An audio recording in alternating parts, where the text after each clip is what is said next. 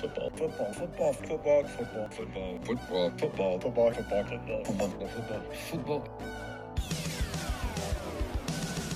It's the football, football, football, and sometimes other sport show. Here's your host, AJ Nicoletti. What up? FFFSOSS.com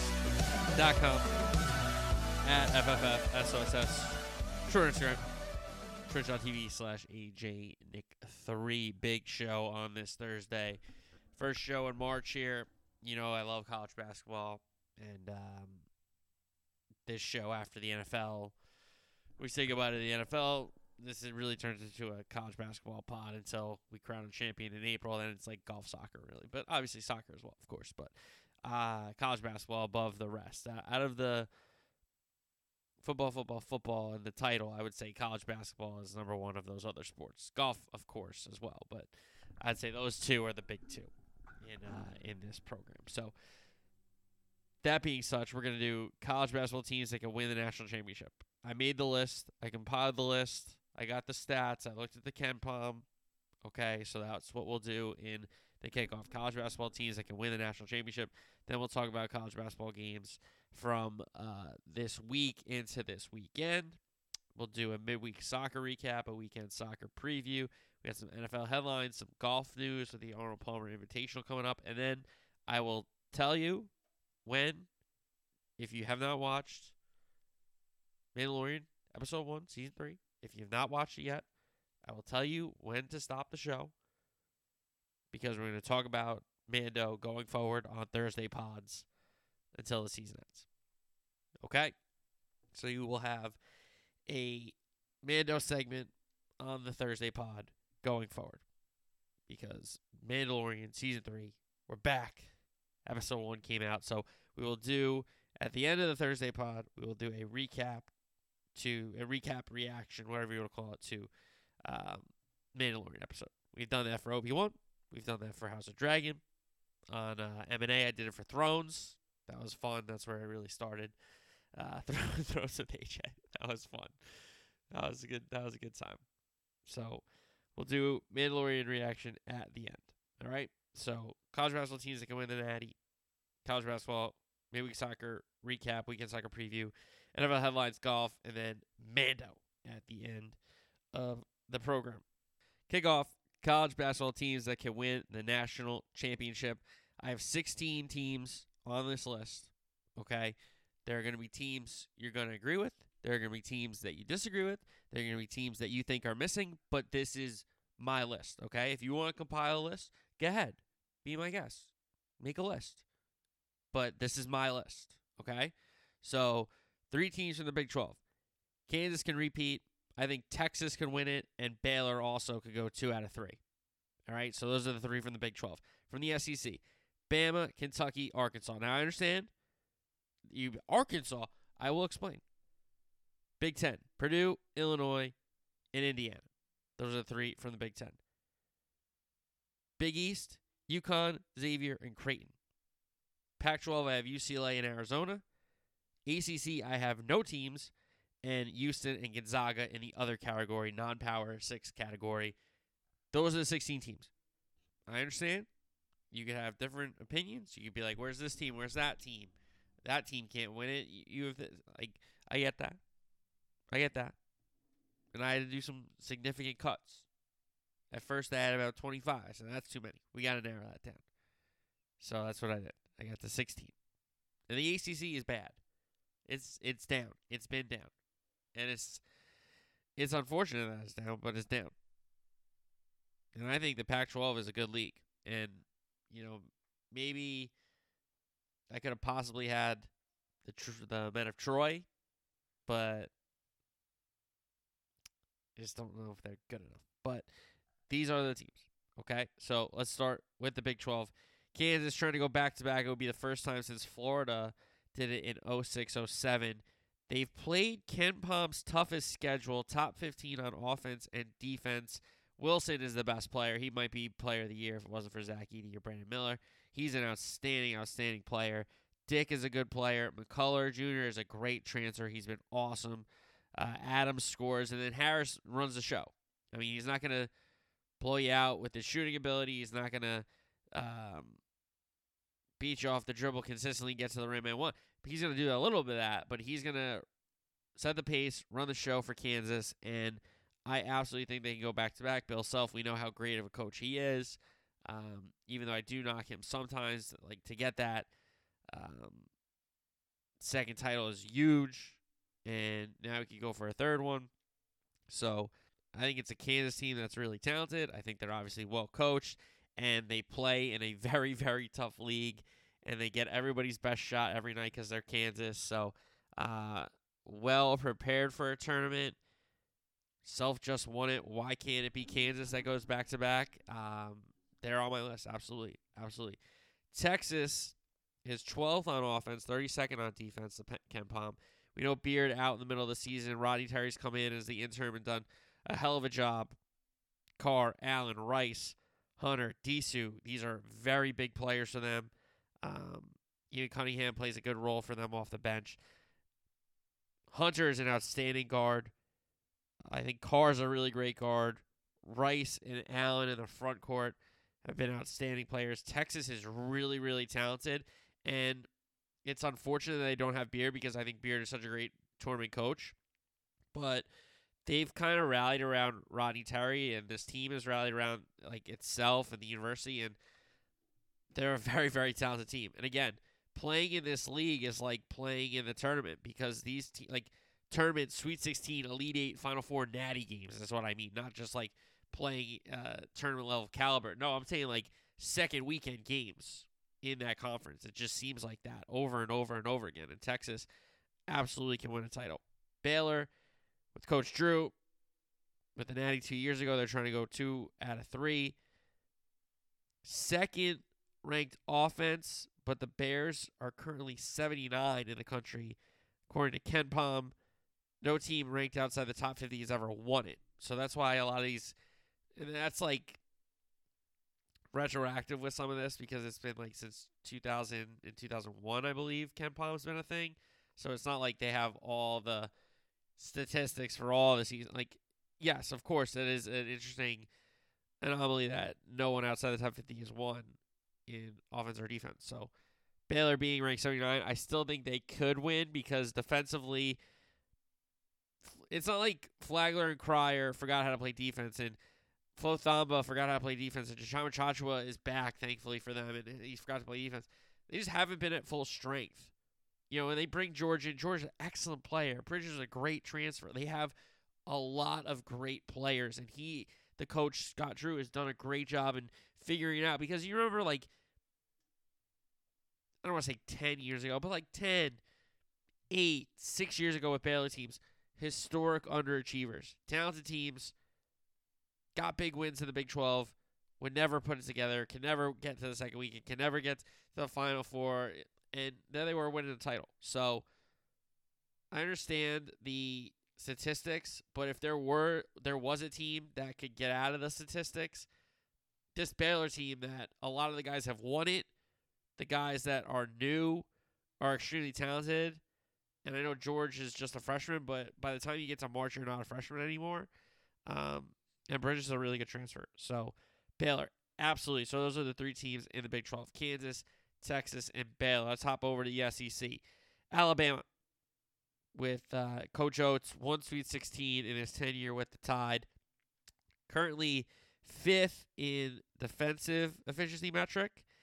And they would be the f- one out of six teams in the 21 season KenPom. This is courtesy KenPom that would rank top 10 in tempo, top 20 in offensive efficiency, top 10 in defensive efficiency. So 13th on offense, and then, um,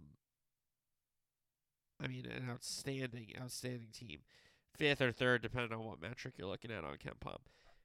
We know Brandon Miller's an outstanding, outstanding player, regardless of the situation that's surrounding him or not surrounding him, depending on how you look at it. Sears is a very good player. Clowney's a good player. Bradley's a good player.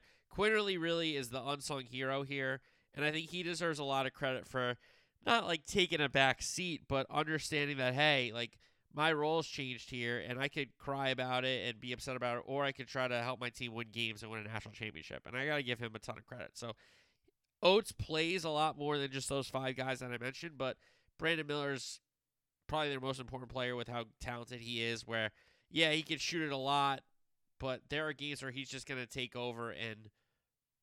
I mean, he had 41 the other night. That's outstanding. That's crazy. So, um, Bama, a very, very, very talented team. I think they're well coached. I can understand people knocking Oates um, for what's going on with the program, but on the floor, I don't think you can knock him much. Uh, Kentucky, 13th offense, 76 on defense. We know defense is an issue for them. Cal had the Natty in 2010, runners up in 14, the Final Four in 15, but not the recent success that a Kentucky, I guess, fan base and uh, boosters and alumni, what they really want. Um, a lot of people calling for Cal's uh, head there in Lexington, which I disagree with. Tshiebwe is the star. We know how great he is on both uh, ends of the floor on the glass. I mean, he's an offensive rebound machine. There's not a lot of guys that get defensive rebounds um, better than him. So he's just an outstanding, outstanding player. And he does have a good little scoring game. It has evolved. You got to give him credit. Like a, a, lot of people with his game just be like, all right, hook shot or like back down or all these kind of like. No, he has a good repertoire move. He has a good uh, arsenal moves, and I think he's an extremely, extremely talented player that doesn't get a tough, ton of credit on offense as he does just his rebounding. Reeves, the transfer, has been really, really good, a great shooter. Toppin's three ball has, he's really found it. Uh, watching Kentucky games recently, Wallace, a very, very important player. Wheeler, very important player. You want to see some more from Frederick, the Iowa transfer. Unfortunately, he's had some injuries since coming over and hasn't been um, really 100% ready to contribute the whole way. But that's a lot of talent. And we know with Cal teams that if they can gel by this point, if they can figure out each other, if they can figure out what Cal's asking them to do and all that kind of stuff, the talent does prevail a lot of the times. So we'll see how far this Kentucky team can go. I think they have the talent to win it all. The coach has the experience to win it all. So they're on my list. Uh, next up, Arkansas, who, you know, I love the coach. I love Musselman. Back to back Elite Eights for this Hogs uh, program. 50th on offense, which is super concerning, but 11th on defense. They can shut you down for stretches. They can get back into games by having not like a 8 2 run over two minutes, but like an 11 1 run over like four, you know, and they just shut you down. You They, they foul, you get a free throw, but they're rebounding, they're outworking you, they're getting turnovers, and I think that defense is really, really special. Smith has been really good since coming back, the star freshman.